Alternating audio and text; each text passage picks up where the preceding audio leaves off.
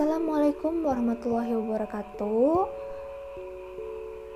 Apa kabarnya teman-teman Laminar Podcast? Semoga sehat-sehat dan dalam lindungan Allah Subhanahu wa taala ya. Sebelum lebih lanjut kita berbicara tentang dunia kefarmasian, izinkan saya memperkenalkan diri. Saya Wulan Suryani. Saya sekarang uh, salah satu mahasiswa farmasi di salah satu universitas di Bandung. Nah, uh, mungkin di Lamina Podcast bakal ngebahas lebih banyak tentang farmasi, tentang uh, pekerjaan atau jenjang karir, dan hal-hal lain yang bersangkutan dengan farmasi. Sebelum bicara lebih lanjut lagi, uh, apa sih yang ada di pikiran atau yang tersirat pertama kali di pikiran teman-teman mengenai farmasi atau kata farmasi? Oke, pasti berpikiran yaitu obat. Memang betul sekali. Karena jurusan farmasi adalah jurusan yang mempelajari segala hal tentang obat, mulai dari bahan kimia yang ada di dalam obat, proses pembuatannya, proses pengemasan, fungsi dan kegunaan obat itu tersendiri, sampai cara distribusi dan pengelolaan stok obat, lalu sampai obat itu berada di tangan pasien. Ya pokoknya singkatnya segala hal tentang stok tentang obat akan dipelajari gitu di farmasi itu. Nah, secara resminya ya, farmasi itu dari bahasa Inggrisnya itu farmasi, bahasa Yunani-nya farmakon yang berarti obat. Adalah salah satu ilmu kombinasi antara ilmu kesehatan dan ilmu kimia yang mempelajari tata cara penyediaan obat menjadi bentuk tertentu sehingga siap untuk dijadikan obat untuk suatu penyakit. Ya, pasti berhubungan banget sama yang namanya obat, obat, obat, obat, obat. Hmm, Oke, okay. uh, eh, pasti teman-teman ingin tahu juga kan, jenjang pendidikan farmasi itu kayak apa sih? Nah, jenjang pendidikan farmasi itu bisa dimulai dari sekolah menengah kejuruan atau SMK. Ada SMK farmasi. Lalu dilanjutkan bisa dengan e, ikut D3 farmasi, S1 farmasi, lalu ada profesi apoteker dan e, master atau e, S2. Lalu e, pasti teman-teman juga bertanya nih bedanya apa sih D3 sama S1 farmasi ya kalau dalam perbedaannya itu banyak juga. Secara singkatnya sih dari mulai dari kata D3 itu pasti kurang lebih kuliahnya juga 3 tahun. Lalu untuk S1 biasanya itu 4 tahun. Um, lalu apa sih hal uh, mendasar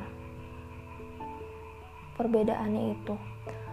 Nah kalau menurut saya hal mendasar perbedaan D3 dan S1 farmasi itu selain dari uh, lamanya atau jangkau waktu kuliahnya yang berbeda pula lalu dari mungkin nggak semua mata pelajaran yang S1 dapatkan didapatkan di D3 karena di D3 sendiri itu lebih banyak uh, praktiknya, praktisi mata kuliah terapannya lebih banyak gitu.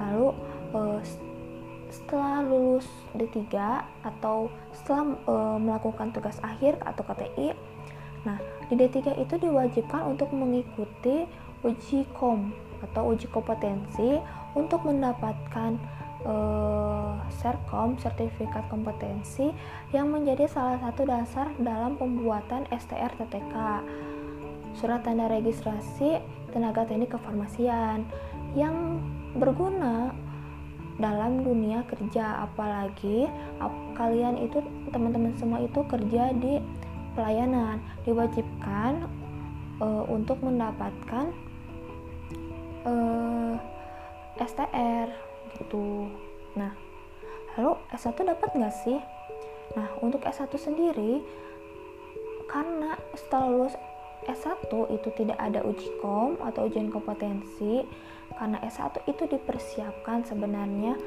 uh, untuk melanjutkan ke profesi. Nah, jadi di S1 itu tidak ada setelah melakukan uh, tugas akhir skripsi ya udah gitu. Uh, tidak ada uji kom sehingga tidak mempunyai STR dan STR itu untuk tenaga kesehatan itu sangat penting sekali apalagi di di, uh, di dunia pelayanan kesehatan. Tapi bisa juga uh, farmasis sendiri bekerja di suatu perusahaan atau industri farmasi yang kadangkala STR itu tidak terlalu di uh, persyaratkan gitu. Nah, karena S1 tidak mempunyai STR, uh, sehingga S1 untuk mendapatkan STR harus melanjutkan ke jenjang profesi yaitu profesi apoteker yang kuliahnya itu kurang lebih satu tahun lalu setelah uh, kuliah maka akan dilakukan UKAI atau uji kompetensi apoteker kayak gitu. Nah UKAI apabila telah lulus UKAI baru nanti mendapatkan kayak sertifikat kompetensi pengajuan maka e, dibuatlah STN nah STN nya bukan SRTTK tetapi STRA atau surat tanda registrasi apoteker seperti itu. Mungkin itu ya secara singkatnya perbedaan dari D3 sampai 1 dari mulai nanti gelarnya pun pasti beda. Kalau untuk D3 itu HMD Farm. Kalau misalnya untuk S1 itu S Farm. Dan nanti kalau telah melanjutkan profesi apoteker itu akan tersemat APT gitu. APT nama S Farm misalnya kayak gitu. Nah oh iya. Terus uh, pasti uh, teman-teman semua bertanya lalu kalau misalnya yang uh, udah ngambil SMK nih SMK farmasi itu dapat lanjut kerja atau kuliah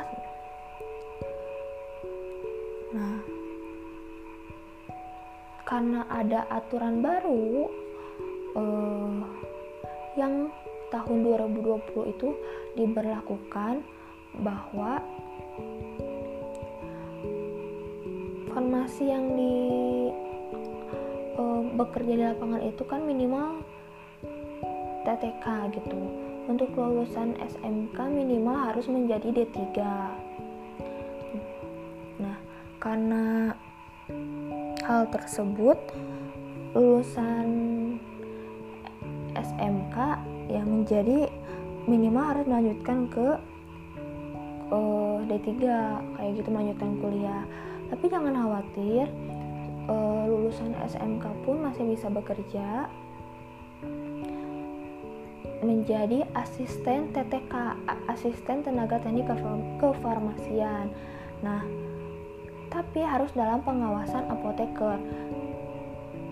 Jadi uh, minimal bisalah bekerja di uh, apotek yang secara tidak langsung bakal diawasi oleh seorang apoteker. Karena biasanya uh, satu apotek itu minimal harus ada apotekernya gitu. Mungkin itu ya secara singkatnya.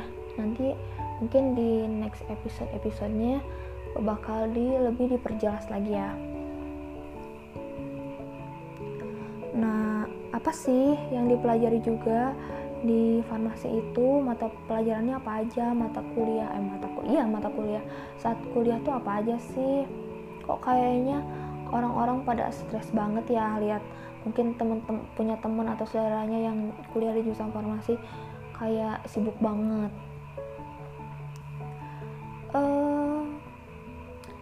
menurut saya bukan di farmasi aja sih yang bakal terlihat sibuk dan terlihat susah mata pelajarannya. Menurut saya di semua jurusan itu mata pelajarannya susah-susah. Kalau kita sebagai orang awam dan tidak hidup di lingkungan uh, jurusan tersebut itu.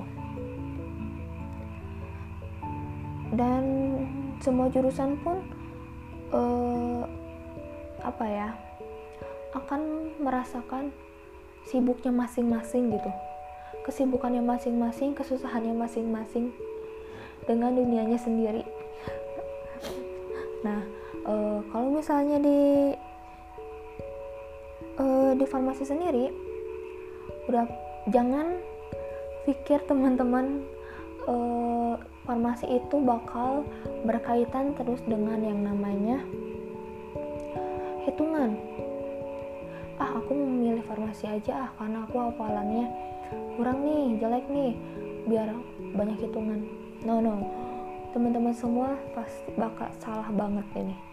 Karena menurut saya farmasi itu 50-50 lah dari mulai hafalan dan uh, hitungan itu seimbang banget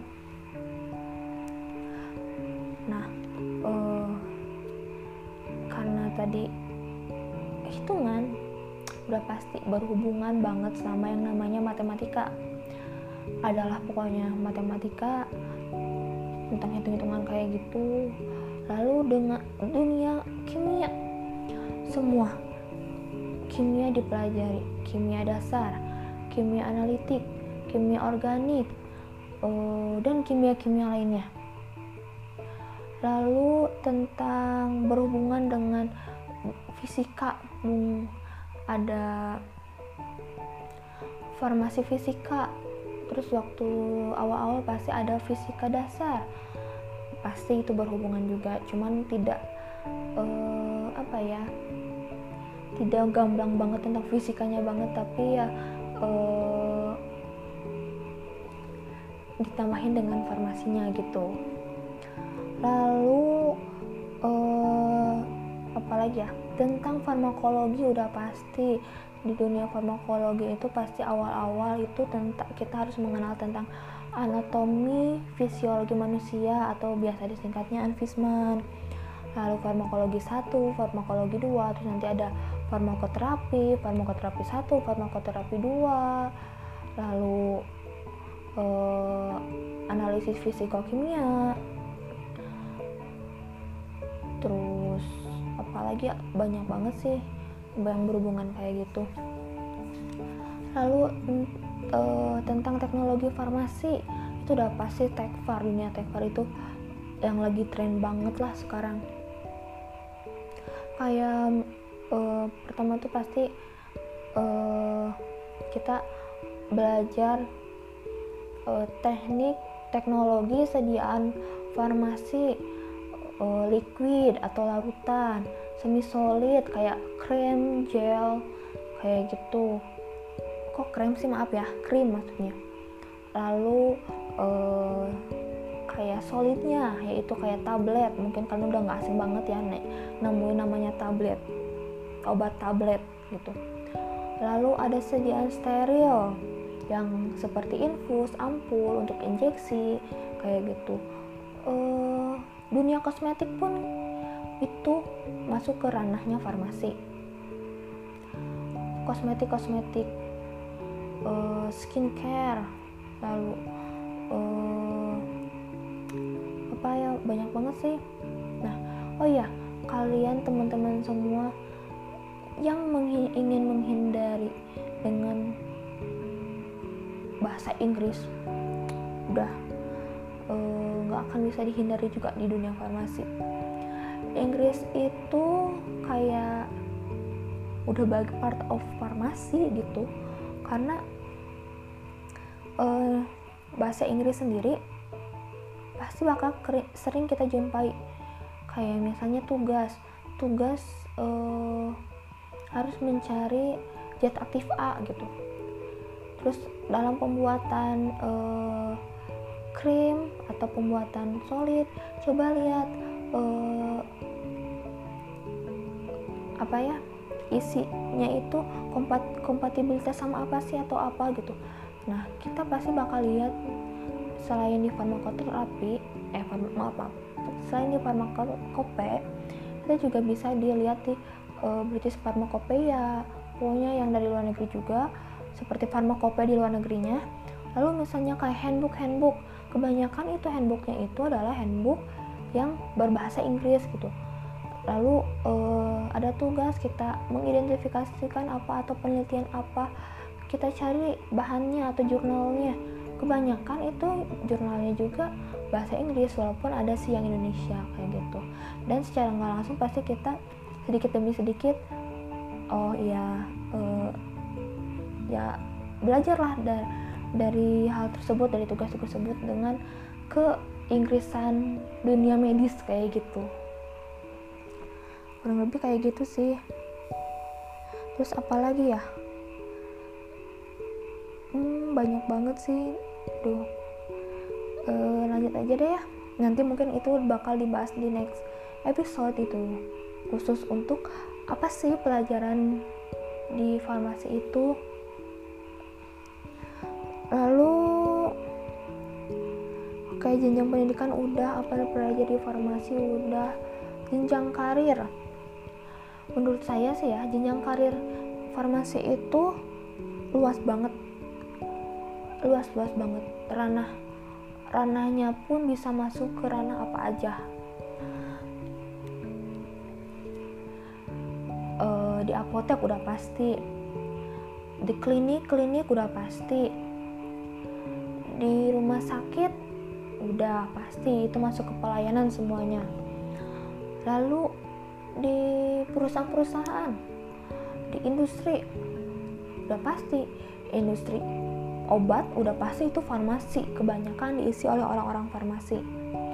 Walaupun ada juga dari jurusan-jurusan lain kayak jurusan e, kimia analis lalu jurusan teknik juga bisa tapi didominasi oleh jurusan farmasi untuk di industri obat pun. Udah pasti itu e, industri makanan bisa lalu vitamin udah pasti oh, termasuk ke suplemen ya. Lalu di PBF pedagang besar farmasi itu kayak seperti uh, apa grosirannya lah ya. Dari perusahaan bisa itu masuk ke PBF nanti PBF yang uh, mendistribusikan ke rumah sakit atau misalnya ke apotek-apotek. Lalu bisa nggak sih uh, menjadi uh, eh, ASN udah pasti itu bisa masuk ke selain kayak uh, rumah sakit negeri bisa juga kan kayak ke puskesmas lalu di dinas kesehatan atau di lembaga-lembaga lainnya seperti BKKBN yang uh, keluarga berencana itu kan bisa lalu ke bea cukai. Ke bea cukai juga bisa uh, lalu ke hampir semua bisa sih. E, banyak banget lowongan untuk ASN lah ya. Di untuk farmasi lowongannya. BUMN udah pasti. Apalagi ya banyak banget sih. Terus kita juga bisa membuka usaha sendiri juga. E, wira swasta gitu membuat produk produk sendiri yang udah pasti harus dengan izin juga ya dapat izin dan aman sih. Banyak banget sih untuk jenjang. Karir farmasi tuh uh banyak banget nih yang pengen diceritain tapi kayaknya uh, terlalu kompleks banget ya kalau diceritain di sini semua. Mungkin next episode bakal bisa-bisa nih mengenai farmasi di SMK, D3, S1, apoteker, S2, atau hal-hal lain lah. Mungkin next episode bakal dibahas satu persatu ya. Mungkin segini dulu perkenalannya. Oh iya bentar-bentar, ingin bilang. dari D3 itu bisa e, mengambil profesi apoteker tapi kita harus melakukan e, ekstensi S1 dulu atau kita lanjut kuliah dulu ke S1 baru ke e, apoteker nah biasanya itu kalau ekstensi itu satu setengah sampai dua tahun kuliahnya. Dan e, bisa disebut juga selain namanya ekstensi bisa juga disebut matrikulasi kayak gitu. Mungkin next episode bakal sharing-sharing tentang ini jadi e, cukup sekian perkenalannya semoga teman-teman semua dapat mengambil manfaat dari podcast ini. Terima kasih atas perhatiannya. Wassalamualaikum warahmatullahi wabarakatuh. Bye bye.